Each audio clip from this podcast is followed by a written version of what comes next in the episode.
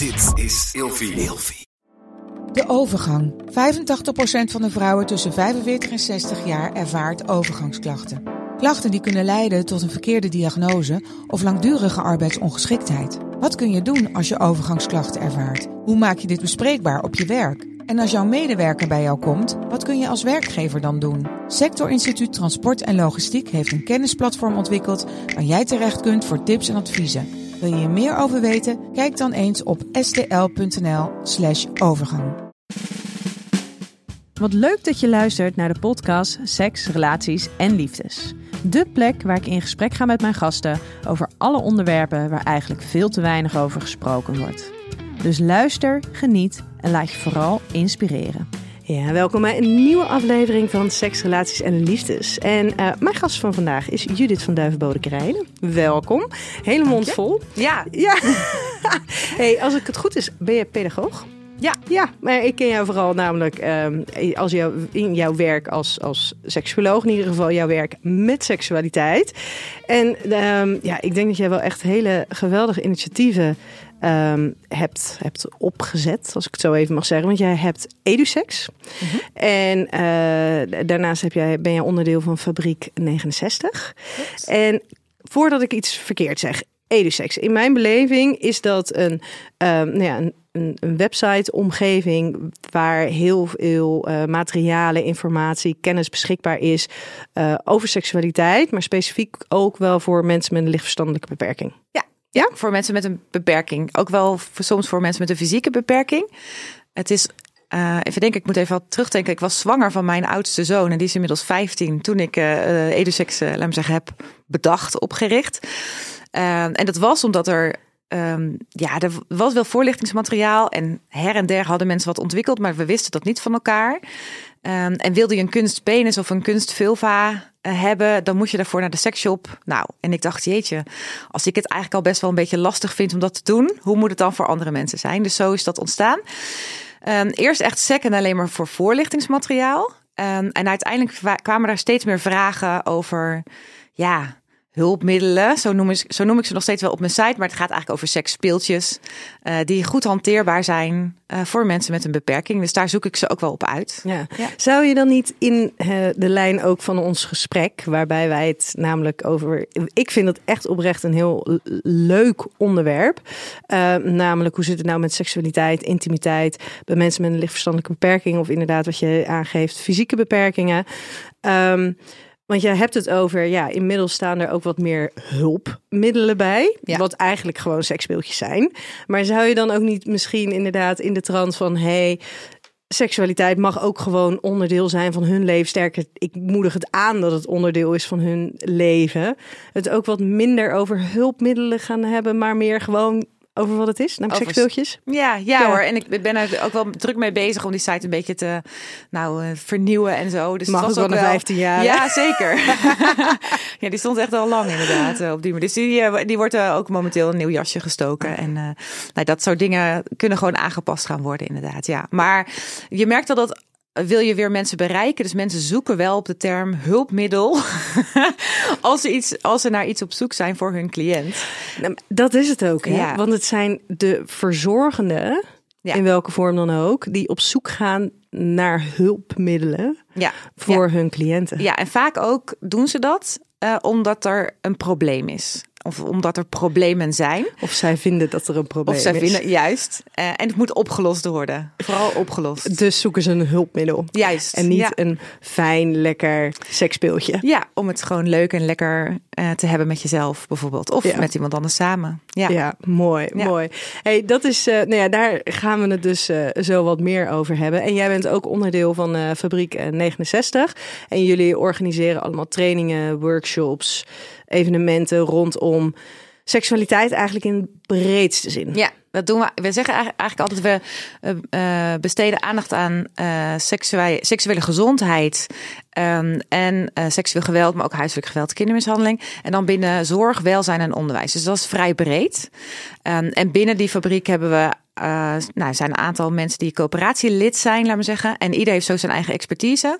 En zo is die expertise van mij inderdaad werken met mensen met een lichtverstandelijke beperking. Dus daar richt ik me veel op. En ik richt me heel veel op de seksuele gezondheid. Dus niet zozeer op de problemen. ik vind namelijk dat er in uh, verstandelijk gehandicapte land veel te veel uh, gekeken wordt naar alleen maar de problemen. Uh, en dingen die opgelost moeten worden. En er echt veel te weinig aandacht is voor seksuele gezondheid.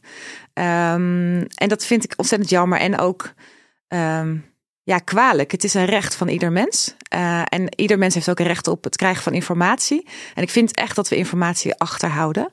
Um, nou, dat vind ik gewoon niet oké. Okay. Ja. Dat moet anders. Ja, nou, ik vind dat een hele mooie insteek. En ik hoop ook dat dat een beetje de insteek van, uh, van dit gesprek gaat zijn. Want absoluut gaan we natuurlijk, natuurlijk een aantal van de, uh, tussen aanhalingstekens, uh, problemen bespreekbaar maken. Maar hopelijk juist ook met het idee om uiteindelijk te focussen hebben juist op dat stukje seksueel plezier. Ja. En nou denk ik überhaupt als je het hebt over seksualiteit dat er heel veel aandacht is. Als je kijkt alleen naar het afgelopen jaar over de negatieve dingen. Hè? Het gaat mhm. allemaal over grenzen, over macht dan wel onmacht, uh, voorzichtig zijn.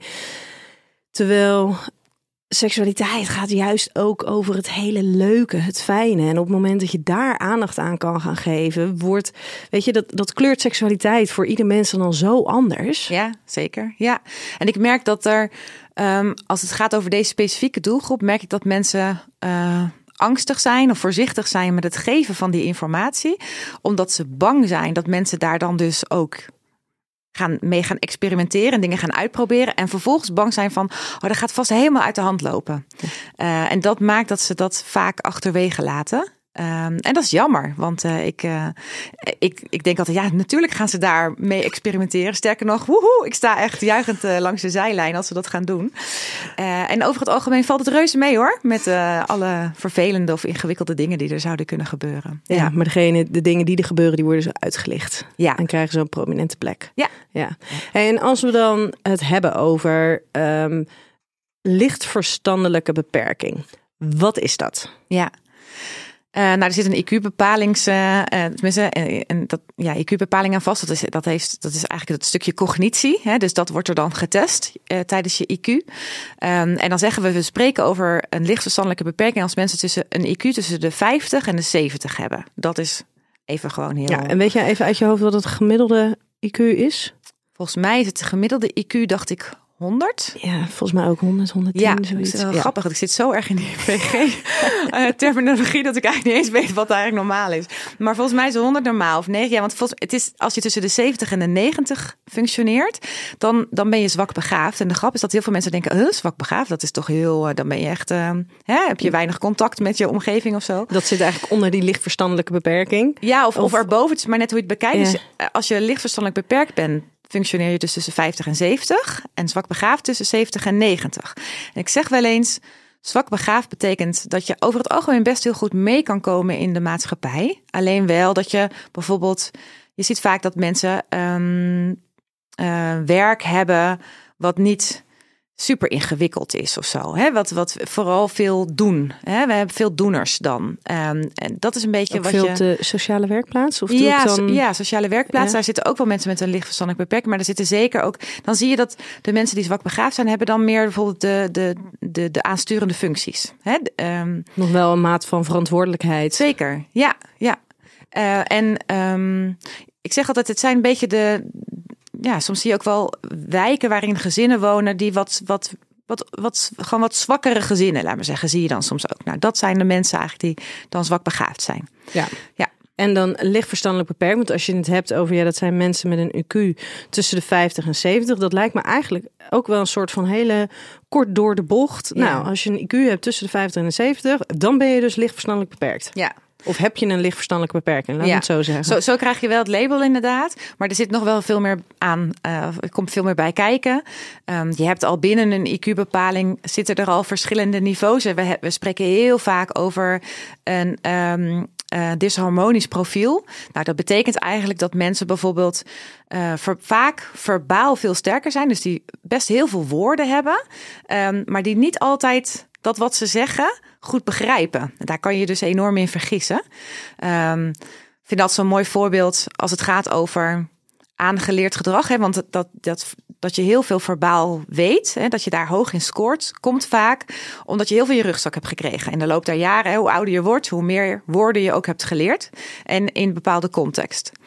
Een vraag die ik nog wel eens stel aan eh, cliënten is bijvoorbeeld: kijk je wel eens naar porno? Dat geeft mij informatie over nou, wat voor beelden ze hebben gezien en zo. En heel vaak krijg ik dan een antwoord terug: ja, maar dat is niet zoals Sint echt is. Ah, want dat hebben ze geleerd. En dan kan je denken: goh.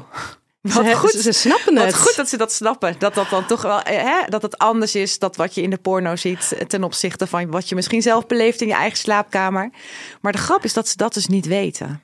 Dus Oh, wat grappig joh. dan, dan zeggen ze dus, ja, dat is niet zoals het in het echt is. En dan zou je kunnen denken, nou mooi, dat weten ze in ieder geval al. Kunnen we dat overslaan of eh, hoeven we geen aandacht aan te besteden. Maar ze weten niet eigenlijk wat de betekenis is van wat ze zeggen. zeggen. En sterker nog, als je kijkt naar wat je nodig hebt om daadwerkelijk ook te kunnen snappen wat je zegt, namelijk dat is niet zoals het in het echt gaat, dat betekent ook dat je kennis moet hebben, of in ieder geval ervaring moet hebben, zoals het ook eh, in het echt in gaat. het echt gaat. Ja. En als ze die niet hebben, kan je zelfs afvragen, ja, kunnen ze überhaupt wel weten? Dus nou, dat zijn van die voorbeelden ehm, eh, wat we vaak tegenkomen bij mensen met een licht verstandelijke beperking. Hè? Dus dat je je wel eens kan vergissen in wat ze daadwerkelijk begrijpen, snappen, ehm, maar ook kunnen leren. Ehm, en dan heb je ook nog te maken met een sociaal-emotioneel niveau. Daar zit ook wel veel verschil in. Ehm, er zijn mensen met een licht verstandelijke beperking die sociaal-emotioneel op anderhalf jaar functioneren. Er zijn ook mensen die functioneren op zeven jaar. Dus daar zit echt ook wel heel groot verschil in. Ja, maar Eh. als jij zelf 16 bent en je functioneert op 7 jaar, dan ben je natuurlijk, zit je nog steeds ver onder Ja. je, je, je leeftijdsgenoten. Ja, en, en wat het meest ingewikkelde is, dat je eigenlijk met al die niveaus te maken hebt. Want je hebt ook een soort van kalenderleeftijd van mensen. Hè? Dus ja, eh, je kan eh, lichamelijk gezien 23 zijn. Met alles wat daar eh, rondom seksualiteit bij komt kijken. En sociaal-emotioneel misschien wel op anderhalf jaar. En qua cognitie op vijf jaar functioneren. Nou, dat is soms, dat is soms best een beetje een uitdaging. Ja, en dan heb je inderdaad echt wel. ehm, dan is het dus niet alleen maar het IQ, oh, dan ben je gewoon een beetje dom. Maar dan zit je dus echt op die verschillende niveaus, waardoor je gewoon verschillende dingen van de wereld eh, nog niet helemaal begrijpt of op een andere manier interpreteert. En inderdaad, wat jij zegt, als jij fysiek gezien, dus jouw kalenderleeftijd is 23 plus, daar komen dus ook al jouw fysieke vertoningen, die zijn ook 23. Ja, Ja, dat wordt natuurlijk wel heel ingewikkeld als je op, op die leeftijd op 23 zit, maar op cognitief niveau eh, of op emotioneel, sociaal, op, op, nou ja, op, Veel op- lager, ja. veel lager tot aan kleuterleeftijd ja, zit. ja, uitstellen van behoeftes bijvoorbeeld. Hè? Of eh, emotieregulatie. Ja, dat leer je natuurlijk pas rond. Ja, als de- je veel ouder bent. Ja. ja. Ah, ja, ik vind, Ja. Dit, ik vind het dus echt wel heel erg interessant. Hey, en je benoemde net ook al eventjes snel het stukje, eh, niet alleen mensen met een lichtverstandelijke beperking, maar dus ook mensen met een fysieke beperking. En dit is even puur voor mijn nieuwsgierigheid. Zie je ook vaker een fysieke beperking en lichtverstandelijke beperking samen zijn? Of staat dat echt helemaal los van elkaar? staat wel redelijk los van elkaar. Ja. Eh, wat we wel vaker zien is als, als iemand bijvoorbeeld ernstig of diep verstandelijk gehandicapt is, dat we dan wel vaker ook een fysieke beperking zien. Maar niet zozeer als het gaat over een licht verstandelijke beperking. Oké, oké, helemaal goed. Ehm, hey, ik eh, ben benieuwd als ik jou zou vragen vijf woorden die voor jou gaan over seks, relaties en liefde. Dus welke vijf woorden zouden dat dan zijn? Ja, als je mij vraagt echt over specifiek seks, relaties en liefde, dan gaat het voor mij over eh, lust, over lekker, over fijn, eh, over bevredigend. ehm, en over ja, liefde, over liefhebben. Ja.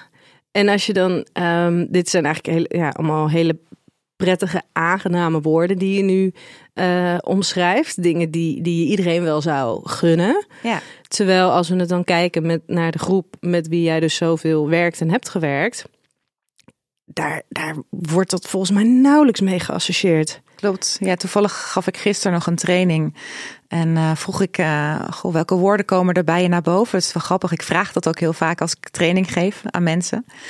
En ehm, dan zeg ik altijd, oh ja, eh, als je het de mensen zelf vraagt, dan zeggen ze dit. En dan zijn mensen, oh ja, wij noemen eigenlijk alleen maar grenzen. Ja, grenzen. eh, grensoverschrijdend. ehm, eh, ongeremd. ehm, eh, gevaar, ehm, slachtoffer, dader. eh, al dat soort woorden worden er dan eigenlijk allemaal eh, genoemd. Ja, Bizar hè? ja. Bizar. Ik heb ehm, voor jou vijf kutkeuzes. En aan jou de vraag om bij elk dilemma één van beide te kiezen. Oké. Ja? Ja. Doe je, en dan ben ik even benieuwd, hè? Doe jij dit vanuit. Ben je, kan jij dan antwoorden uit privépersoon? Of ben je dan ook vanuit je professionele rol?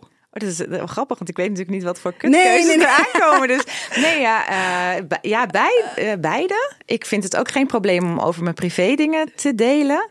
Wel grappig, want dat wordt ook nog wel eens. Dat wordt trouwens ook vaak gevraagd door ehm, begeleiders eh, die dan daar heel erg mee worstelen. Van ja, maar straks vragen ze iets over mijn seksleven. Ik ga met hun over hun seksleven praten. Mogen zij dan ook nog iets terugvragen? En wat vind ik daar dan eigenlijk van? En wat, wat is jouw antwoord daar dan op? Nou, mijn antwoord is vaak ehm, dat, eh, dat het interessant is om na te gaan wat maakt dat, dat de cliënt een vraag stelt. Ik heb wel eens een keer de vraag gekregen: hoe vaak heb jij seks per week met jouw man? Nou, ik zou natuurlijk gewoon antwoord kunnen geven op die vraag. En daar heb ik ook geen moeite mee. Ehm, het lastige is alleen dat je moet bedenken.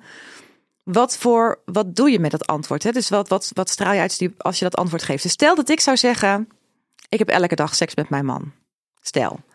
Drie keer. Drie keer. Of drie keer lekker gemiddeld. Of eh, 2.1. maar het is eigenlijk maakt niet uit wat mijn antwoord is. Maar het gaat eigenlijk om dat eh, vervolgens de, de cliënt die tegenover me zit dan bedenkt. Oké, het is dus normaal om drie keer per week seks te hebben. Of om elke dag seks te hebben. Dus het is interessanter om, om eigenlijk te bedenken wat maakt dat die cliënt dit vraagt.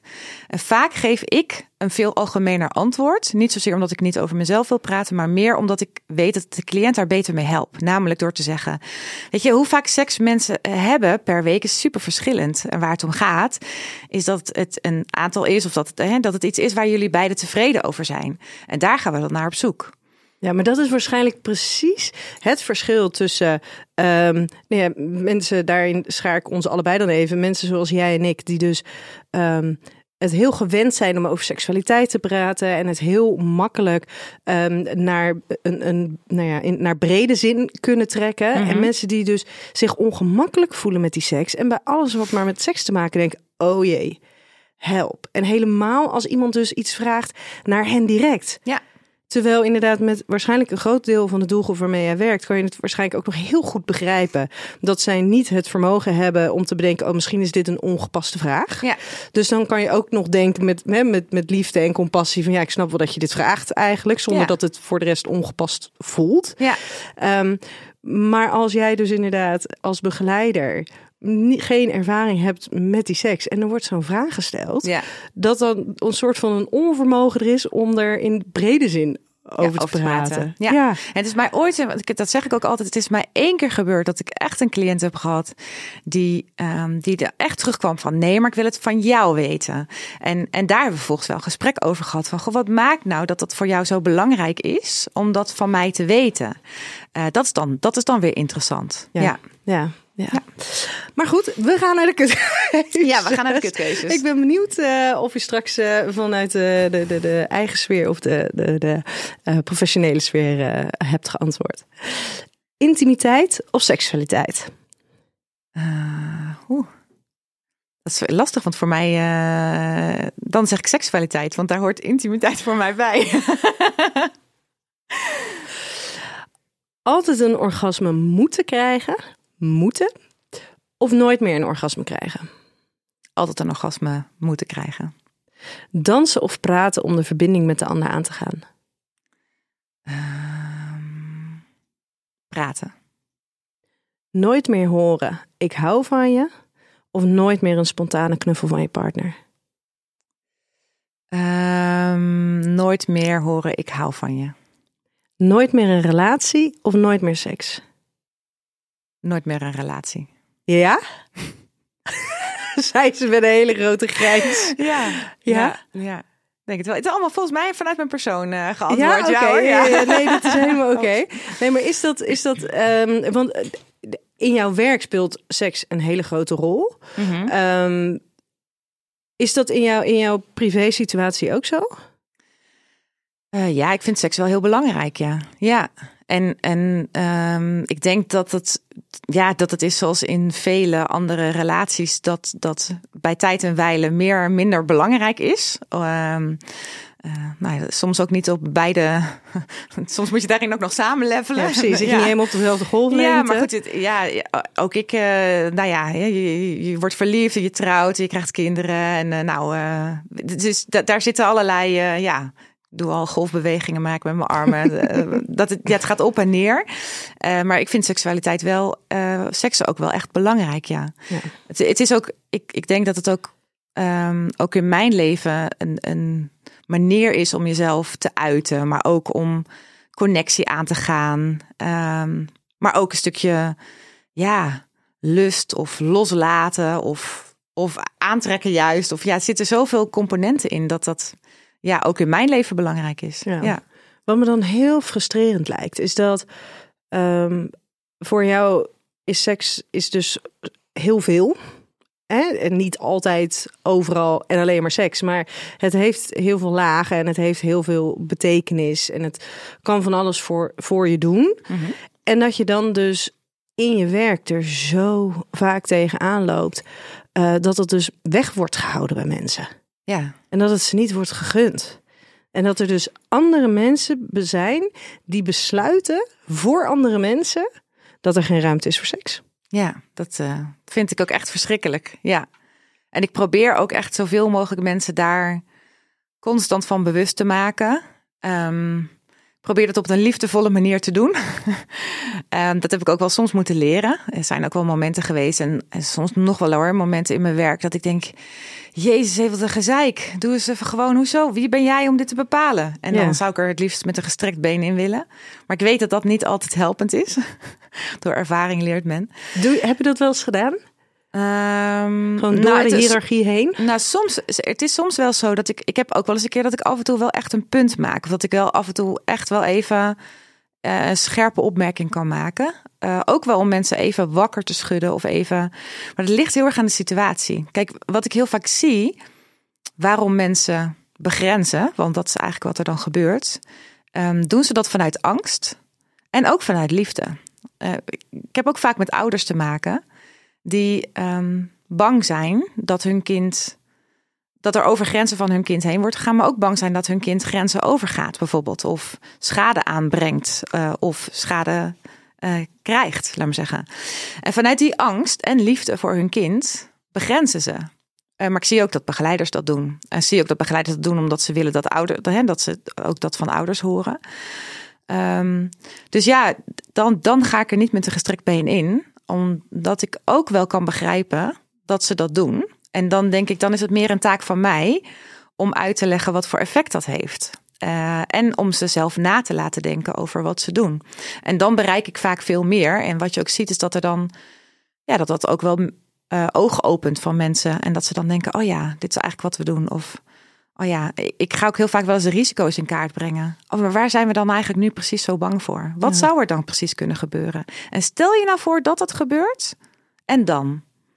Ja. ja. En dat helpt ook, dat brengt ook vaak heel veel rust. Dat mensen dan denken, oh ja, ja, misschien was die beer wel groter precies, dan dat we eigenlijk dachten. Precies, ja. een beetje het worst case scenario uh, ja. denken. En dat het dan helemaal niet zo heel erg erg is eigenlijk. Nee. Ja. ja. Of overzichtelijk te behappen. En dat is hetzelfde als met, um, ik probeer mensen ook vaak te schetsen, als het gaat over uh, wat je, uh, dat, dat seks prettig is, hè? of aanraken prettig. Of, dan zeg ik altijd, heb je wel eens meegemaakt toen je zelf aan het experimenteren was? is er dan wel eens iets? Heb je wel eens iets gedaan? Of is er wel iets bij jou gebeurd waarvan je achteraf zegt, of misschien op dat moment zelf, ah nee, stop maar. Of uh, dat je bedenkt, nou, volgende keer ga ik dat niet nog een keer doen, want ik vond het eigenlijk niet, was niet zo fijn. Eigenlijk kan iedereen wel beamen dat dat in, in de seksuele carrière best wel eens een keer is gebeurd. Want hey, ja, door experimenteren kan je leren. En dan leer je dus ook wat je niet fijn vindt. Maar het lijkt wel alsof voor mensen met een verstandelijke beperking mag het niet misgaan. Ja, precies. Dat leermoment mag niet komen. Nee, ja. Terwijl ik denk, ja, zij mogen ook leren. Zij mogen ook. En natuurlijk moet dat binnen bepaalde grenzen blijven. Want hè, als het echt naar grensoverschrijdend gaat, is natuurlijk zeker niet de bedoeling. Maar ja, soms mag het wel eens een beetje schuren, zeg ik ook wel. Ja, ja, ja inderdaad. Hey, ik heb uh, vijf stellingen uh, voor jou. En nogmaals, het is de bedoeling dat we uiteindelijk gaan focussen op het juist op het fijne, ja. prettige stuk. Maar ehm, ja, er zijn natuurlijk wel een paar onderwerpen, probleemgebieden, die, eh, nou ja, die ik wel even wil aankaarten met jou. Mhm. En heel graag vooral wil weten wat jij daarvan vindt. Als je een lichtverstandelijke beperking hebt, ben je eerder slachtoffer van grensoverschrijdend gedrag. Ehm, ja, dat antwoord is ja. Ehm, en dat, dat, dat hebben we onderzocht. Er is in eh 2000. Wanneer is ik te twijfelen? 2011 of 2009. Eh, maar het onderzoek heet Beperkt Weerbaar. Eh, wat is uitgevoerd. het enigste onderzoek wat ook ooit is uitgevoerd in eh, Nederland. Ehm, waar ze hebben onderzocht eh, onder de mensen met een verstandelijke beperking, van een matige verstandelijke beperking tot een licht verstandelijke beperking. De mensen die ernstig meervoudig beperkt waren, konden ze niet ondervragen. En hebben ze gevraagd: heb je wel eens te maken gehad met een ongewenste aanraking tot aan verkrachting? En daaruit komt naar voren dat 61% van de vrouwen daar één keer of vaker slachtoffer van is geweest, ten opzichte van 27% van de mannen. Dus dat ligt ook echt hoger. Ja, dat is echt bizar hoe Ja. hoeveel dat is. Ja. En ehm, waar, waarom is dat, denk je? Eh, dat- nou, ik denk dat dat is omdat ehm, als het gaat over ehm, de weerbaarheid of al dan niet de, het feit dat je zeggenschap hebt, laat me zeggen, hè, ook. ehm, mensen met een verstandelijke beperking groeien over het algemeen op in een omgeving waarin ze eigenlijk constant afhankelijk zijn van iemand anders. En die constante afhankelijkheid eh, zorgt er eigenlijk ook voor dat ze een soort van, ja, daar zijn wel mooie stukken over geschreven, dat heet aangeleerde hulpelo- hulpeloosheid. En dat is denk ik waar zij wel mee te maken hebben. Eh, dus doordat er zoveel voor hen wordt bepaald op heel veel gebieden en dat ze eigenlijk ook heel vaak afhankelijk zijn van de ander. Ik zeg altijd al wel al, ja, als je nog thuis woont, je gaat naar het speciaal onderwijs en ben je thuis afhankelijk van je ouders. Vervolgens stap je in een taxibus, ben je afhankelijk van de taxichauffeur, op school afhankelijk van de juffrouw. Nou, en, en, en de speciale clubjes die er zijn, ze zijn eigenlijk altijd afhankelijk van een ander. Ja, er is ze- helemaal geen gevoel van autonomie, zelfbeschikkingsrecht, het zelfvertrouwen dat ze zelf keuzes mogen maken, kunnen Ja. en mogen maken. Ja, dat is gewoon echt, als je dat vergelijkt met kinderen zonder een eh, beperking die opgroeien, is dat echt dat verschil echt enorm groot. Dus ik denk dat daar de basis ligt van het feit dat dat ook maakt dat er sneller over grenzen heen gegaan wordt. Eh, en ook het vermogen om in te kunnen schatten eh, hoe te reageren. Of ehm, ja, ik zeg wel eens. Als je kijkt naar mensen met een verstandelijke beperking, zou je kunnen zeggen ze zijn een beetje naïef. ze hebben het niet altijd even goed in de gaten. Um, dan kan het zo zijn dat als zij contact hebben online met iemand en die iemand zegt: eh, Kom je bij mij, eh, dan gaan we samen een film kijken. Ja, jij en ik zouden dan denken: Ja, natuurlijk, een film Mhm. kijken. Nou, er zal vast wel meer gebeuren dan. Maar dan gaan wij daar naartoe. Maar ook wel wellicht met de wetenschap dat daar vast misschien wel meer kan gebeuren dan alleen die film kijken. En maar misschien dan, in die keuze om film te gaan kijken, hebben we dan dus ook al een bepaalde keuze gemaakt met als er wat meer gebeurt. dan, Of dan is dat oké? Of Juist. weet ik, ik kan Ja. een grens aangeven als ik het niet ja. wil. Ja, en dat zie je dat, dat dat wel echt anders is voor die mensen met een verstandelijke beperking. Die denken dan ook echt, ja, maar ik ga er naartoe en ik ga een film kijken. Ja, en ik kan me daarin voorstellen dat, ehm, dat, dat zeg maar daarin het probleem en ook het hoge percentage eigenlijk tweeledig is. Want enerzijds zullen er mensen zijn die bewust ehm, nou ja, minder prettige intenties hebben en inderdaad dus bewust de grenzen van een ander overgaan zonder dat diegene dat dan dus heel erg bewust is of inderdaad niet weet hoe die moet reageren.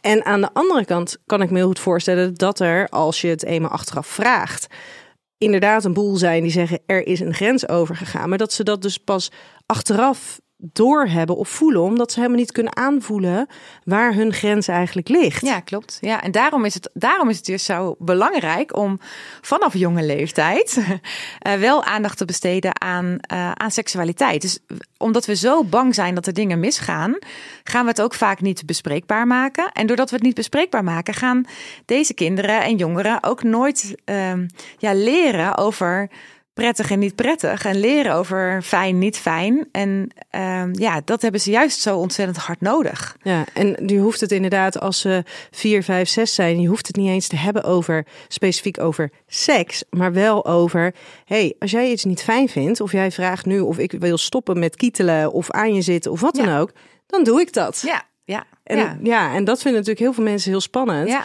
Dat ze denken, ja, maar ik ga toch niet met mijn kind over seks hebben. Ja, maar Ja. dat hoeft. Hoeft helemaal niet. Hoeft helemaal niet. En Alles, en wat ook ontzettend fijn zou vinden, is dat eh, kinderen eh, de juiste woorden leren voor hun geslachtsdelen. Ja. Oh my god, dat- als ik daar eens over nadenk. Ja, die van mij Ik- van eh 2,5 liep die al hoor. Met, eh ja, maar jij hebt een vulva. Oh jij ja. hebt een vulva. Ja. ja, ja, ja, Ja, de grap is ook, want ik kreeg twee jongens en dan zou je kunnen denken, nou, het is mooi, zijn we vanaf. Hoeft Lekker makkelijk. Dat ingewikkelde hoeft niet. Maar die hangen dan een soort van voorover als je op de wc zit en vraagt, mama, waar is jouw piemel? Ja, we hebben ons begon het inderdaad met van... hé hey mama, jij hebt, een, jij hebt een kleine piemel. Oh, en ja. toen eh, een kleine piemel voor korte piemel. En toen dacht ik, nee... Dit is dus het moment, zeker omdat hij toen net was, hij echt 2,5 of zo. En toen dacht ik, nee, dit is een moment. Bij hem zit er totaal geen emotionele betekenis in, of seksuele betekenis, of wat dan ook. Dus datgene wat ik hem nu ga vertellen, dat gaat hij gewoon Ja. als werkelijkheid Ja. aannemen. Dus toen zei ik ook van, nou, maar weet je hoe dat eigenlijk heet, mijn kleine piemel?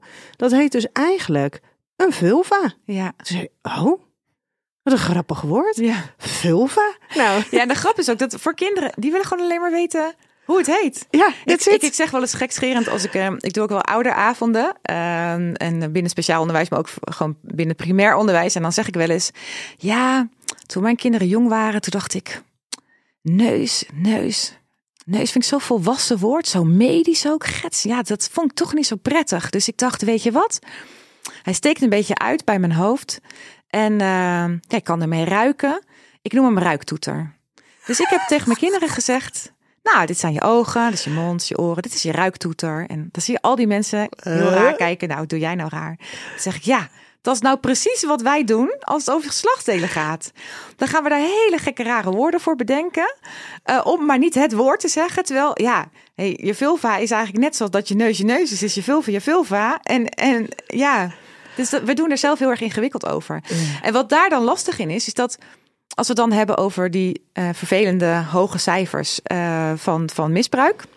Dan komen we ook wel eh, bij situaties terecht waarin het zo is dat er kinderen of, of nou, volwassenen ook wel hebben gezegd dat er iets gebeurde wat ze niet fijn vonden, maar dat wij het niet gehoord hebben Oeh. omdat soms simpel er gewoon niet een duidelijk woord aan hen was geleerd. En als jou geen duidelijk woord is geleerd en jij wil wel iets duidelijk proberen te maken en je hebt al minder taal, dan wordt het wel heel erg ingewikkeld. En je, doet, je, je denkt dat je het zegt, maar degene die luistert, die hoort een of andere Ja. gekke omschrijving van een ruiktoeter. Bijvoorbeeld, ja, mijn En- bloem. Iemand zit aan mijn bloem. Oh, heb je Ja. bloemetjes geplukt dan? Ja, ja. En dan is het moment zomaar weg. Oh, Ja. ja, dus ook ja. dat is echt een, ja, daarom dat, daar hamer ik ook altijd wel op, ook als ik op ouderavonden kom. En dan zie je ook wel veel ouders dat ze denken, oh ja, wacht even, ik heb hier echt iets nog te doen. Ja. Ja, Hey, de tweede stelling. De kans is groter op het vertonen van seksueel risicogedrag als je een licht verstandelijke beperking hebt. Hmm, lastige. Ik zou zeggen nee, toch. En waarom ik dat toevallig had ik er laatst een keer een hele discussie of met discussie. Ehm, we hebben, laten we zeggen, eh, een, groep eh seksuologen, eh, consulenten en zo die die werken met deze doelgroep. En daarmee registreren we wie we binnenkrijgen, leeftijd, et cetera. Maar ook ehm, met welke vraag. En dat is super, dat doen we nu een aantal jaren. En dat is heel goed. fijn. Ja. Ja. En dat zorgt dat we, nou, dat een aantal dingen zichtbaar worden. En zo zien we bijvoorbeeld ook dat eh, als je dat vergelijkt met de reguliere seksologenpraktijk, dat wij vaker te maken hebben met een parafilie. Toen was de vraag. Komt het dan dus ook, parafilie, eh, afwijkend van het normale seksuele, is het dan ook Lekker zo? normaliseren. Ja. Gosh, Ja. echt. Maar goed, is het dan Ja. zo, dus dat was interessant, is het dan zo dat ehm, eh, een parafilie vaker voorkomt als je verstandelijke beperking hebt? Maar toen dacht ik, ja, maar zo, zo gemakkelijk kan je die niet stellen. Want weet je, hey, mijn hele straat kan vol wonen met mensen die hè, volgens de norm een parafilie hebben. Eh, maar ja, daar weet ik niks van af. En daar hoef ik ook niks van af te weten. Het enige is wel zo dat op het moment dat het afwijkend is, hè, dat, het, dat dan mensen ook sneller bij ons aangemeld worden. Ehm, Dan wanneer het niet Dan wanneer het afwijkt iets zo is, is. want dan heeft niemand er Ja. last van, heeft niemand een probleem. Juist. En ik, de- ik denk wel dat. ehm, kijk, mensen met verstandelijke beperking zijn soms wat minder handig in. ehm, in dingen wat minder zichtbaar maken. Mhm. Ehm, bijvoorbeeld, Die een- zijn een er wat man- minder inderdaad eh, eh, op privacy gericht Ja. en het in hun eigen omgeving doen. Juist, ja. Bijvoorbeeld een man met een luierfetish. Ja, op zich is daar helemaal niks. Dit is helemaal prima. Maakt helemaal niet uit. Dus, ehm, eh, alleen deze man ging dan wel bij een kinderdagverblijf eh, staan om uit de prullenbak luiers te halen. Ja, dat is niet zo handig. Nee, en Nee. niet zo hygiënisch. Ook niet? Nee. Maar dan wordt het inderdaad heel zichtbaar. Ja. En ineens ook heel problematisch. Ja. ja, met als gevolg dat hij, hij was al, hij ging ze dus al uit die eh, prullenbak halen, omdat hij dus al was beperkt in zijn eh, financiën, omdat hij eerder luiers haalde in de supermarkt. Nou, dat was eigenlijk super prima. Had het gewoon lekker gelaten. Maar ja, doordat iemand dan wordt beperkt, omdat het niet normaal is voor een man van 42 Ja. om luiers in de supermarkt Dus te er halen. wordt door iemand anders bepaald, jij krijgt daar geen budget meer voor Ja. om dat te doen. Ja. Ja. Ja. Oh, dat is ook bizar, hè? Ja. En, en wat, wat ik me dan ook afvraag, hè, want en misschien, ik weet niet of je daar antwoord op hebt.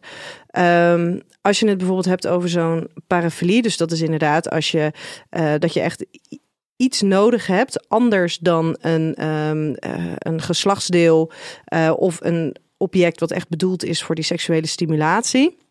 Zoals een vibrator. Ehm, als je dus iets anders, wat inderdaad afwijkend is van de norm, zoals Ja. dat in de DSM beschreven staat. Ja. Als je een lichtverstandelijke beperking hebt en jij hebt een parafilie, wat ik me ergens kan voorstellen, en misschien is daar inderdaad ook geen direct antwoord op te geven hoor, maar mensen met een lichtverstandelijke beperking, die krijgen over het algemeen dus minder de kans om zich op seksueel gebied ehm, volledig vrij te ontwikkelen. Mhm. Hè, omdat ze inderdaad beperkt wordt, worden op de, met de dingen die hen wordt aangereikt, de vrijheid die ze daarin krijgen. Ik kan me daarin voorstellen dat een parafilie zich daarin dus ook kan ontwikkelen, omdat dat nou eenmaal is waar ze wel toegang hadden. Ja.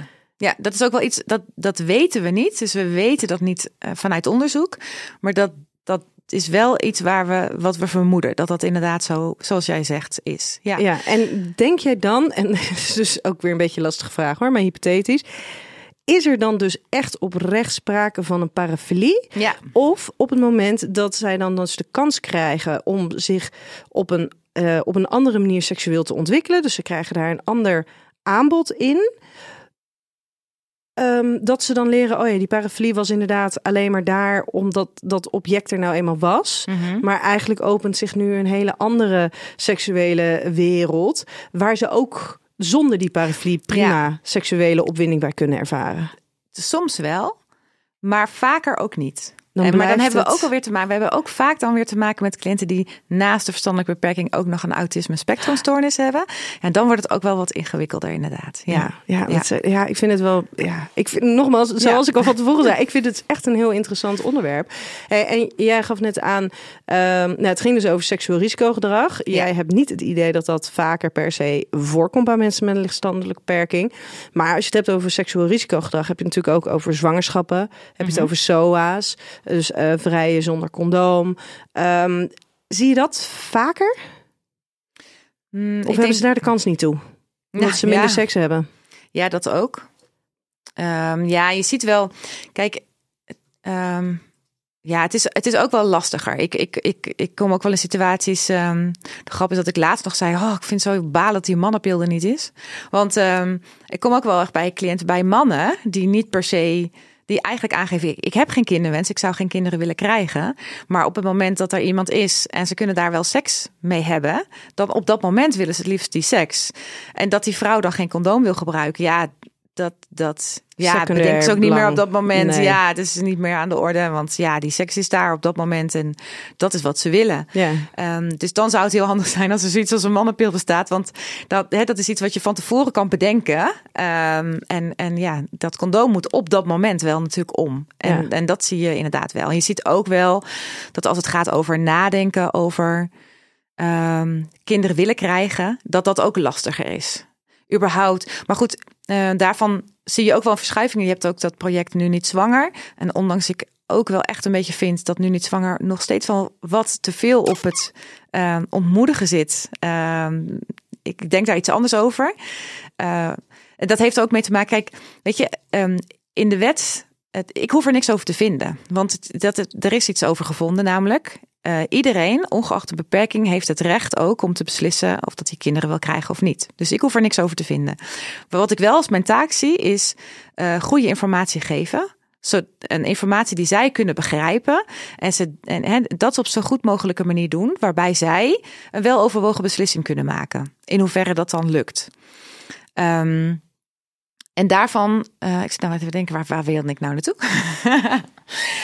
um, nee, oh ja, dat, dat, dat het heel nuttig is, zeker bij mensen met verstandelijke beperking, is het heel erg in het hier en nu te houden. Dus wil jij op dit moment. Niet over negen maanden. Daar hebben we het niet over. We hebben het over nu. Ja. En dan zie je wel dat dat veel beter lukt. Want nadenken ook over. Wil ik ooit kinderen krijgen? Of wil ik over een jaar kinderen krijgen? Ja, geen idee. Maar wil ik het nu? En dan kijken hoe je, ziet je leven er nu uit? En is dat dan voor nu een handig moment om dat te kiezen of niet? Ja, maar nou, daarin is inderdaad um, het, het stukje waar je het eerder over had. Hè, als je dan zo'n um, uh, disharmonisch profiel hebt. Dus bijvoorbeeld fysiek gezien zijn ze wel al, uh, nou ja, zelfs al richting het volwassen gaan. Maar mm -hmm. op uh, cognitief niveau zitten ze veel lager. Ja, en, en als ze dan met dat beperkte cognitieve niveau dat ze hebben, uh, geen lange termijn beslissingen kunnen maken of nee. de gevolgen niet kunnen overzien, mm -hmm. dan is het inderdaad van, oh hey, er is nu een mogelijkheid tot seks. Ja. Daar ga ik voor. Ja. Want ja, dat, verder kijken, dat, dan merk je wel dat dat lukt dan niet. Nee. nee en als je het dan hebt over seksueel risicogedrag. Ja, dan, dan, is dat wel, dan merk je wel dat dat natuurlijk wel lastiger is voor Ja, ze. maar ja. dat zit bijna meer in het onvermogen om te kunnen bedenken wat, termijn, lange, lange termijn, gevolgen juist, zijn. Ja, ja. ja. Het überhaupt kunnen overzien van oorzaak en gevolg, dat is echt super lastig. Ja. ja. Heb je het idee dat. Um, dat, dat daar misschien ook wel een stuk van de angst zit bij bijvoorbeeld begeleiders, bij mm -hmm. ouders. Ja. In dat ze zijn bang voor dat risicogedrag. Ja. En daarom gaan ze beperken. Ja, ja, ja. En dat, en dat snap ik ook. Dus ik, ik begrijp heel vaak ook wel angst van mensen. Um, ja, maar dan is het veel effectiever om te kijken, maar wat, wat dan wel? Of stel dat het gaat gebeuren, wat dan? Of hoe erg is het als het gaat gebeuren? Snap ja. je? Hoe groot zijn nou precies die risico's? En, dan en soms zijn het grote risico's hoor. Laat het helder zijn. Dat, echt, dat je denkt, dat is niet fijn. En soms is het dus ook heel goed om mensen te begrenzen. Um, en dat kan ook. Um, uh, je komt dan op de WCT, de, de wet zorg en dwang, uh, op het moment dat we gaan begrenzen. Um, en dat is echt ook goede zorg bieden. Soms ja. is begrenzen echt goede zorg bieden. En maar wat daar natuurlijk wel een verschil is, is uh, we vertellen je gewoon niks over de mogelijkheden en we ontnemen je alle mogelijkheden om ja. ook maar iets met seks te gaan doen. Mm -hmm. Of we proberen te onderzoeken wat eventueel de Juist. gevolgen zouden zijn, wat dat zou betekenen. En we proberen in ieder geval in overleg um, een, een, ruimte te creëren van oké, okay, maar die gevolgen zijn die te overzien. Ja. En proberen uit te leggen, dit is dus waarom wij liever niet hebben dat jij dit doet. Ja, ja en soms ook al gewoon um, realistisch kijken naar waar zijn we bang voor? En, en is het eigenlijk wel, is het wel reëel dat we daar bang voor zijn? Om een voorbeeld te noemen. Uh, ik wilde graag met een uh, man aan de slag en die wilde ik graag leren over masturberen, want hij wist niet wat het was. En ik dacht dat het echt wel, nou, zou heel fijn zijn voor hoe hem. Hoe oud was de man? Uh, 32. Um, fijn om daar meer over te weten en over te leren. En daarvan was begeleiding heel erg bang. Ja, maar straks gaat hij dat te pas en te onpas en overal, weet je, gaat hij ongewenst, uh, nou, laat, doet hij dat op plekken waar dat niet kan. Oké. Okay. Nou, mijn vraag is dan: hebben jullie al eens eerder meegemaakt dat hij nieuwe dingen heeft geleerd en dat hij dat dan gaat toepassen? Laat me zeggen, op een andere plek. Of dat hij dat niet zo goed, dat hij de context, laat me zeggen, niet zo goed kan inschatten. Op waar welk gedrag wel kan en waar welk gedrag niet kan. En dan geven ze mij als antwoord: nee, nee, dat hebben we niet eerder meegemaakt. Oké, okay, wat maakt dan dat je nu denkt dat dat al wel gaat gebeuren? Ja, maar als, als hij eenmaal leert masturberen, het is zo lekker. Ja. Dan gaat hij dat vast heel veel doen. doen. En dan zeg ik ook altijd: nou, ik hoop dat hij het echt gewoon uh, heel veel gaat doen. En dat hij ja. ervan geniet en het lekker vindt. Ja, ja, en dat is heel vaak waar mensen bang, mensen zijn heel bang ook voor. Uh, te veel masturberen. Terwijl, ja, ik... terwijl als je het hebt over bijvoorbeeld dat ze ook vaak ook nog op een autistisch spectrum zitten, die daarbij kan je vaak heel duidelijk uitleggen in je kamer op het moment dat er geen andere mensen bij zijn, dus geen andere begeleiders, dan Ja. mag je dit doen, dan Ja. kan je dit doen. Als je lekker in je eentje bent, maar het is niet de bedoeling dat je dit doet als er begeleiders bij zijn, of als je eh, in de eetzaal bent, of als je ouders erbij. Dat. Kan je echt zoveel, zoveel mensen kunnen dit zo goed leren. Dat Ja. is echt, ja, dat, ja. Het is maar weinig. Ik, toeval- toevallig heb ik zelf toen ik ooit eh, begon met het werk eh, en een cliënt uit ging leggen over masturberen. Toen had ik inderdaad ook gezegd, nou, waar moet je op letten? De gordijnen zijn dicht, de deur is dicht. En, nou, toen kwam ik de volgende keer eh, terug om te vragen hoe het was gegaan. En toen vertelde hij eigenlijk tussen neus en lippen door dat zijn buurman, die ook in het appartement was, het ook wel leuk vond om te zien. Toen dacht ik, oh, ik ben hier echt een essentieel onderdeel vergeten. Dat hij ook alleen moest zijn. Ja, ja. en zo ken ik inderdaad het Ja. verhaal van een, een autistische jongen. En daar was dus inderdaad aan verteld. ehm, ja, dit mag, je, dit mag je doen. Eigenlijk was er alleen verteld, dit mag je doen als je alleen bent. En vervolgens liep ze dus in zijn eentje over straat. Ja, En toen is hij dus inderdaad gaan masturberen. Waarop zijn antwoord was, ja, maar ik snap het niet, want ik was toch alleen? ja. En ik mocht het toch doen als ik alleen was. Dus dat is ook wel weer heel ingewikkeld. En de punten waar je dan zo precies aan moet denken. Ja, en daar gaat ook wel eens een keer iets fout. En af Ja. en toe kunnen we daar ook echt ontzettend om lachen. Maar dat gaat het bij ons Ja. natuurlijk ook. Ja, zeker. Ja. En dat zijn die leermomenten. ja, ja, ja. Ja, ja. Hey, de volgende stelling. Mensen met een lichtverstandelijke beperking hebben geen behoefte aan seksualiteit. Ja, dat is echt niet waar. nee, en, en ook eh, als je het dan hebt over wat is seksualiteit, want een van die kutvragen gingen, intimiteit of seksualiteit. Ja, voor mij valt eh, intimiteit onder seksualiteit. Dus het, het is een heel breed spectrum. Ehm, wat ook al betekent dat het gaat over aanraken. Over jezelf prettig aanraken. Over fijn aangeraakt worden. Over een knuffel inderdaad kunnen krijgen. Of eh, ja, gewoon van waarde voelen dat je van waarde bent. Laat me zeggen, dat voor mij hoort dat ook heel erg bij seksualiteit. Dus het is een Bevestiging heel- van een ander krijgen. Ja, het is echt het is zo'n zo'n breed spectrum eigenlijk. Ehm, ja, dus ja, seksualiteit is er, is er bij ieder mens, is er dus ook bij mensen met een verstandelijke beperking en is voor hen net zo belangrijk als voor anderen. En in heel veel verschillende gradaties, laten we zeggen, en, en heel veel verschillende behoeften. En ik denk dat het fijn is als het wel besproken wordt. Ik, ik ben, ja, ik, ik, ik zou het heel fijn vinden als, als mensen in zorg komen, of hè, zorgverlening, op wat voor manier dan ook, dat het gewoon een onderdeel is van een intake. Dat er gewoon wordt gevraagd van, goh, is hier, hè, heb je hier vragen over? Zijn er hier bijzonderheden? Waar kunnen we rekening mee houden? Ehm, ja, en als, en als het antwoord daarop nee is, is dat he- helemaal prima. Maar laten we het alsjeblieft wel vragen. Ja. En nu merk ik vaak dat zo'n vraag ook wel overgeslagen wordt. Dus hij staat al een soort van, nou, hè, super eh, aan het strijden om dat eh, erop te krijgen. En dan staat het erop en dan kom je erachter dat de, de mensen die de intake doen het best ongemakkelijk vinden om zo'n vraag te stellen. Of zeggen, ja, maar ja, dan zijn zijn ouders er ook bij. Of eh, weet je wel. Dus dan stel ik die vraag maar niet. En dan denk ik, ja, wat een gemiste kans. Ja. En want je kan ook al zeggen van goh, ja, deze. Je kan je zelfs verschuilen, zeg ik altijd, achter je intakeformulier. Hier ja, het is een beetje een gekke vraag misschien. Of, eh, eh, maar ik, ja, ik moet deze toch vragen. Hè? Dan zeg je niet eens dat je het zelf wil, maar verschuil je maar achter het feit dat de organisatie wil dat je dit vraagt. Allemaal prima. Het zijn allemaal ja, manieren dat ik denk, ja, dat is toch een kans om het erover te hebben. Ja, of inderdaad al een haakje creëren als er inderdaad ouders bij aanwezig zijn. Van hè, ik ben me bewust dat je ouders erbij zijn. Ja. Dus misschien is dit een beetje een ongemakkelijke vraag. Maar ik vind het wel belangrijk dat we daar aandacht voor hebben. Ja, Ehm, dus ik ga hem wel voorleggen. Je mag nu antwoord geven, maar anders kunnen we het er op een ander moment nog even over hebben. Ja, Ja. ja. En dat merk je echt heel veel. Ook bijvoorbeeld bij dat onderzoek wat gedaan is, beperkt weerbaar. Was ook een van de vragen: heb je daar wel eens eerder met iemand over gepraat? En waarop veel mensen ook hebben geantwoord nee. En, en waarom niet? Niemand heeft me dat gevraagd. Niemand heeft me eerder die vraag gesteld. Nou, zo eigenlijk ook rondom ja, de, de seksuele gezondheid. Heel vaak is het zo dat zij missen echt een hoop essentiële informatie. Hoe vaak het wel niet gebeurt dat ik, als ik met vrouwen ben en ik vraag over masturberen, eh, heb je dat wel eens gedaan? Ehm, sommigen zeggen nee. Zijn er ook een hele hoop die zeggen ja, maar niks aan. En als ik dan ga vragen, wat heb je dan gedaan? Of hoe, hoe, hoe is dat dan? Ja, dan vertellen vrouwen dat ze, die, dat ze hun vinger in hun vagina hebben gedaan. Een paar keer heen en weer. En zeiden, nou, is geen zak aan. Denk ik, ja, logisch is er geen zak aan. Er is ook niet per se een zak aan. Ze missen gewoon essentiële informatie. Ehm, waardoor, ja, ze zijn wel gaan experimenteren. Ze zijn wel nieuwsgierig geweest. En dat is denk ik wel het verschil. Als je dus een verstandelijke beperking hebt. is informatie tot je krijgen wel een stuk ingewikkelder. Ehm, Helemaal als die niet op maat is aangepast. Nee, nee. En dan is het ook nog eens een keer zo dat toch in onze maatschappij er vaak ook wel grapjes en zo worden gemaakt.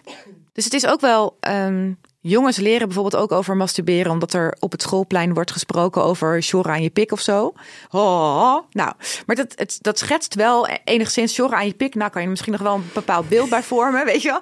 Dat, maar dat maakt, ja, dat maakt wel dat je gaat, dat je gaat Je uitproberen. gaat zelf ook even sjorren. Ja, maar voor, voor meisjes is dat al veel minder bespreekbaar. Wordt er al minder over ge- gedeeld. Ehm, dus, dus dan is het experimenteren nog minder. En dat, je ziet ook bijvoorbeeld, ja, we ehm, noemen het wel eens, ik noem het wel eens buikschuivers. Dus jongens die ehm, wel hebben geleerd over dat hun piemel een fijne plek is. En, eh, Dat maar dan, voelt. ja, dan gaan ze vaak op hun buik liggen en dan wiebelen ze heen en weer. En dan uiteindelijk krijgen ze een orgasme. En wat je ziet is dat als die jongens ouder worden, dat ze zwaarder worden, dat het minder goed lukt met dat buikrollen. Maar dat ze ook niet vervolgens informatie hebben gekregen om te weten hoe kan je op een effectieve manier masturberen. Dus het geldt eigenlijk zowel voor de jongens als voor die meiden. Maar ik zie dat bij de meiden echt dat ik echt denk, wow, daar hebben we echt nog een wereld te winnen. Ja. Ja, en ehm, als je het dan hebt over, nee, ze hebben wel dus behoefte aan seksualiteit. Denk je wel dat die seksualiteitsbeleving anders is, zoals bijvoorbeeld die van jou of mij? Of kunnen zij precies op eenzelfde manier seksualiteit beleven?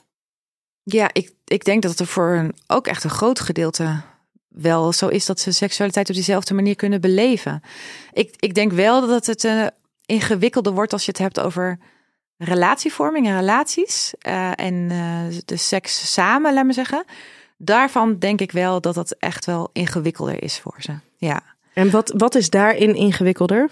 Mm, omdat, het, omdat het, als het gaat over relaties aangaan, dan heeft het ook heel erg te maken met uh, afstemmen van behoeften. Uh, je eigen behoeftes, de behoeften van de ander. Op welke manier je dat, laat maar zeggen, kan communiceren. Um, ik kom ook echt wel bij, bij stellen die uh, bijvoorbeeld ambulante ondersteuning krijgen. Die wonen, hebben, hebben een eigen huis. En die, um, die melden zich ook bij mij rondom verschil in verlangen. Hè? Dus nou, ik zou vaker seks willen. Of hij wil zo vaak. Of zij wil zo vaak. Um, en ik merk wel dat daar afstemmen onderling... Um, daar is echt communicatie best een heel groot onderdeel van. Goed kunnen luisteren, uh, kunnen reflecteren. Uh, ja, en, en daarvan merk ik wel dat dat echt wel soms heel erg lastig en ingewikkeld is. Ja, ja en eigenlijk is dat natuurlijk een thema wat voor heel veel mensen Um, heel erg ingewikkeld is. Ja. Het afstemmen uh, op, op je eigen, ja, met de ander op basis van je eigen seksuele behoeften. En hoe kunnen daar de behoeften van twee individuen samenkomen? En, ja. en hoeveel ruimte is daar dan nog ook nog voor je individuele behoeften als die niet overeenkomen met die van je partner?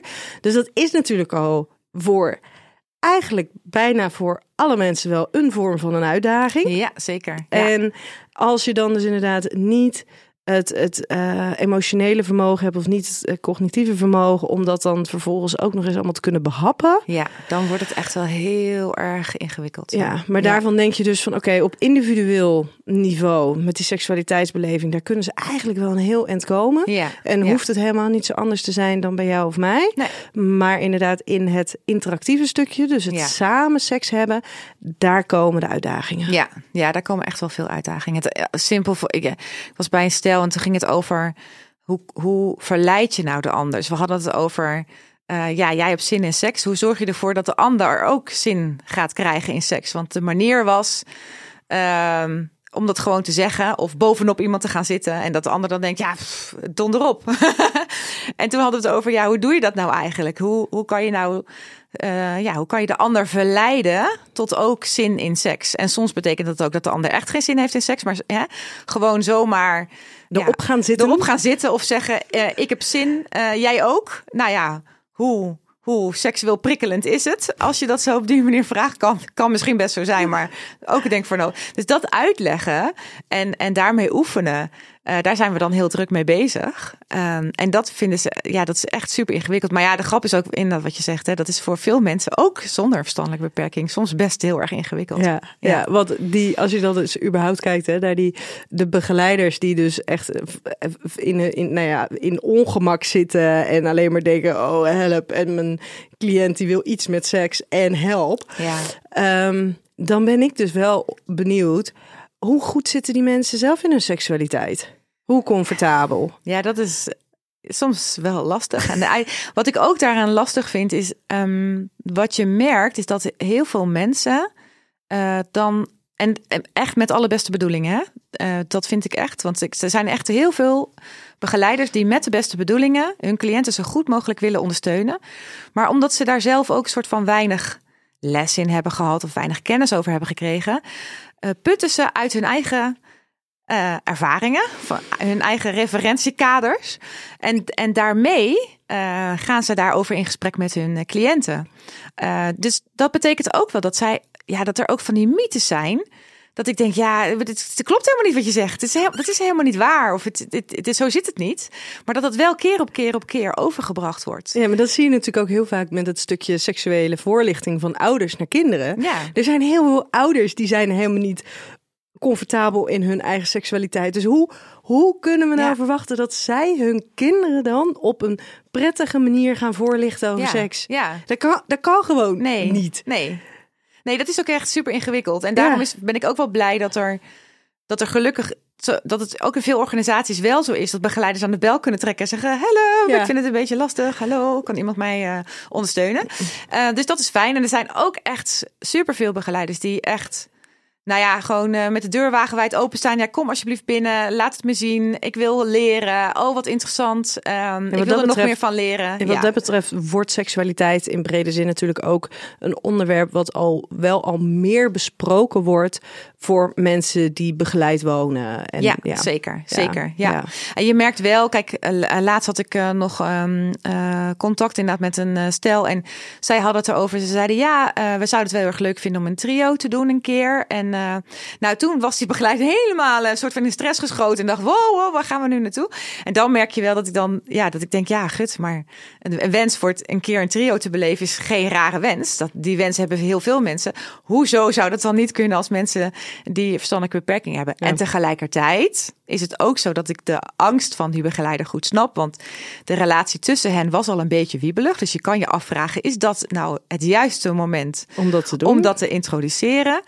Uh, en uh, in hoeverre was dat ook echt de daadwerkelijke wens van haar ook? Of alleen een wens van hem?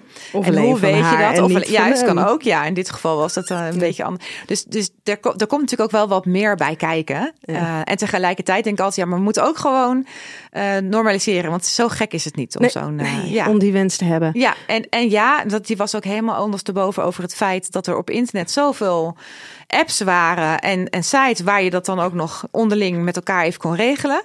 Dat ik zei, ja, dat is er inderdaad gewoon. Ja. ja, ja, ja. en wat vind jij daarvan uh, van sekswerkers?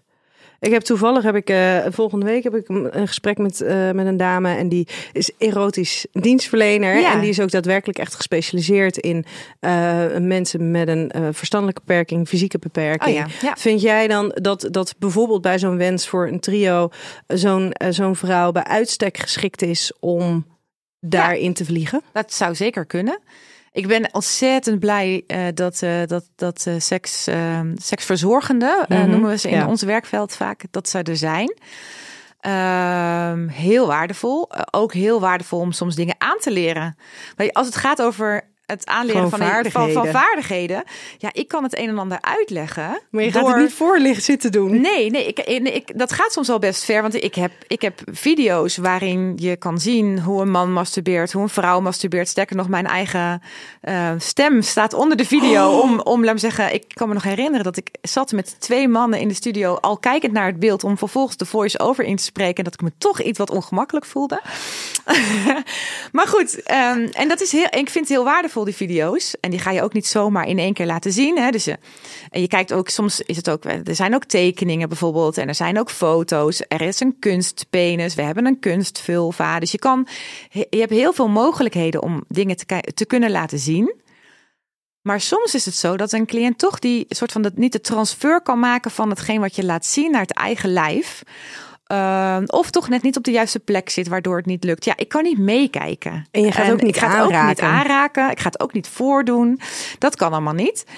Uh, dus soms is het ook heel fijn voor het aanleren van vaardigheden. Uh, dat, dat, ja, dat we ze kunnen inzetten. Super fijn. Uh, soms ook heel fijn omdat inderdaad een cliënt echt heel erg de behoefte heeft. Ik sprak laatst nog een cliënt. Die had me geappt, uh, want die had gedeeld dat hij, uh, dat hij uh, dit voor zijn verjaardag had gekregen van vrienden. Omdat hij echt heel graag wel een keer seks wilde hebben. En uh, ik appte hem op een gegeven moment van, goh, is je verjaardagscadeau al geweest? Dus jullie, ja, ja, het is toch wel een beetje anders gegaan. Dus ik zei, uh, hoezo? Ja, ja, de penetratie was niet gelukt. Dus ik zei, ja, ja, soms is het ook wel als het de eerste keer is een beetje spannend. Nee, zei, die kwam al veel te snel klaar. Dus daarom was het niet gelukt. Maar het was wel heel fijn en lekker. Um, maar dat is zo'n mooie situatie waarvan ik denk, ja, het is, is een man geweldig. die daar, die dat zo graag wil. En, en ook wel het een en ander heeft geprobeerd qua date en zo. Ja, dat is gewoon nog niet zo gelukt, maar je hebt wel een wens. Ja, waarom zou dat niet uh, kunnen? En dan Dus- is het misschien ook een beetje de, de druk ervan af. In Ook die dat. zin, oh ja, maar je hebt het nu ervaren. Hij zei letterlijk, als ik doodga, zou ik het toch wel fijn vinden als ik gewoon een keer geneukt heb. En denk ik, ja, ik begrijp dat.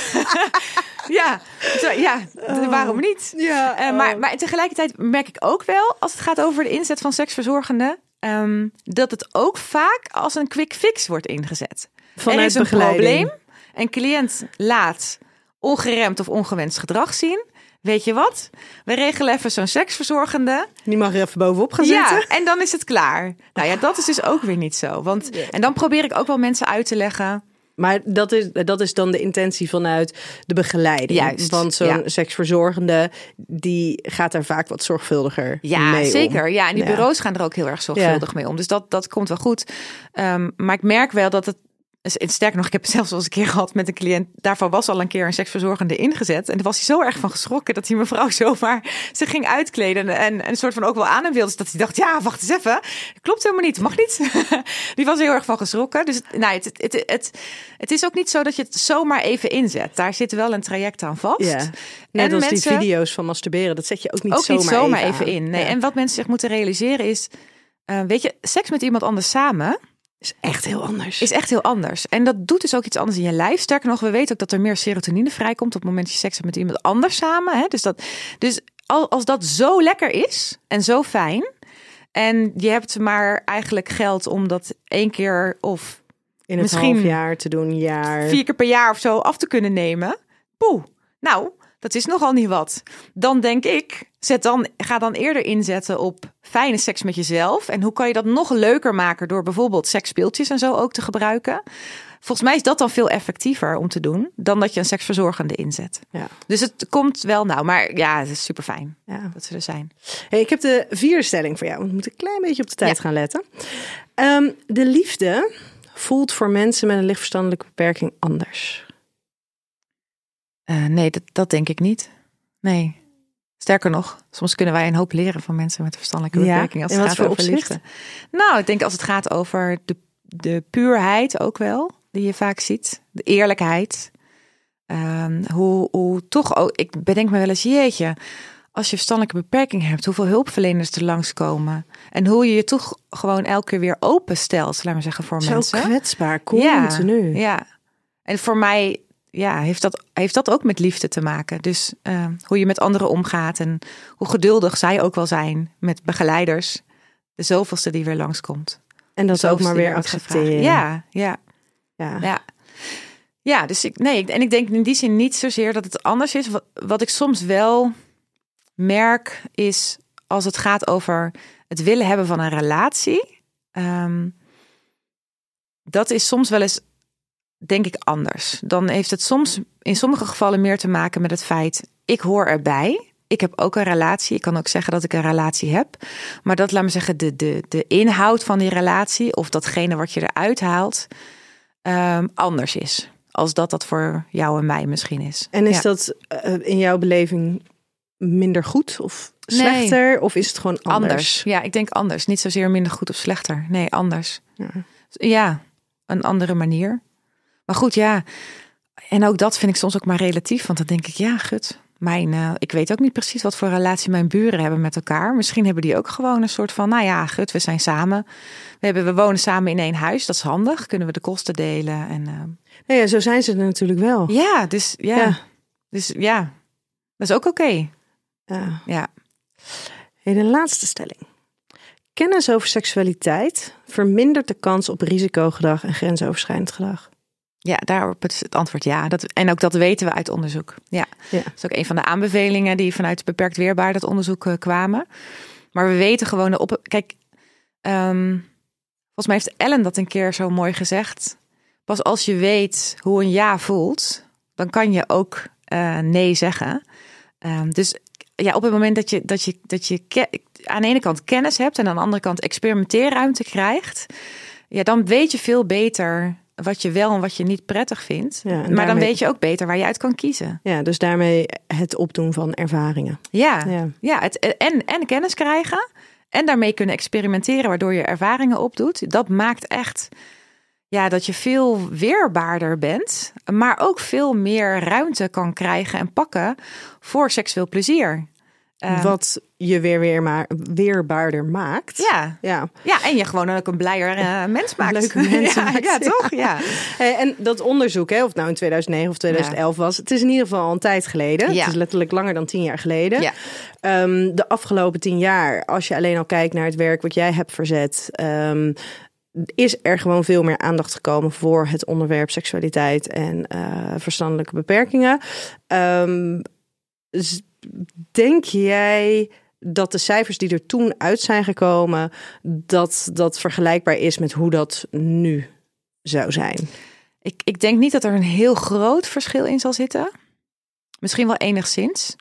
Ik, ik denk wel dat er eh, dat, dat cliënten aangeven dat er meer met hen over seks wordt gepraat. Ja, want eh, toevallig moest ik een, denk ik, eh, half jaar geleden of zo ergens een lezing geven.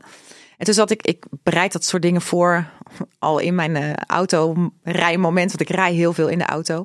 En toen, ehm, ik heb altijd heel erg de neiging om te zeggen, ja, dit is nog niet goed en dat moet beter, we moeten zus, we moeten zo. En toen dacht ik ineens, oh ja, wacht eens even, maar wat is eigenlijk ondertussen wel ook al gebeurd? En Want er gebeurt ook van veel. alles. Ja, er zijn echt goede beleidsnota's geschreven. Waarbij, ehm, waarbij je vroeger nog wel zag, bijvoorbeeld hè, zo'n ontmoedigingsbeleid op kinderwens. Maar ook het beperken van eh, bepaalde seksuele wensen of ideeën. De, al dat soort dingen zijn echt allemaal uitgegaan. Eh, dus, ehm, en ehm, Rutgers heeft nu een speciaal lespakket voor het speciaal onderwijs ook, bijvoorbeeld. In plaats van alleen maar primair.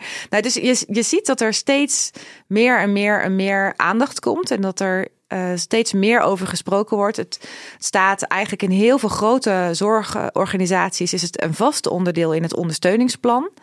Ehm, er wordt bijna niet meer eh, geschreven GB, geen bijzonderheden of niet van toepassing.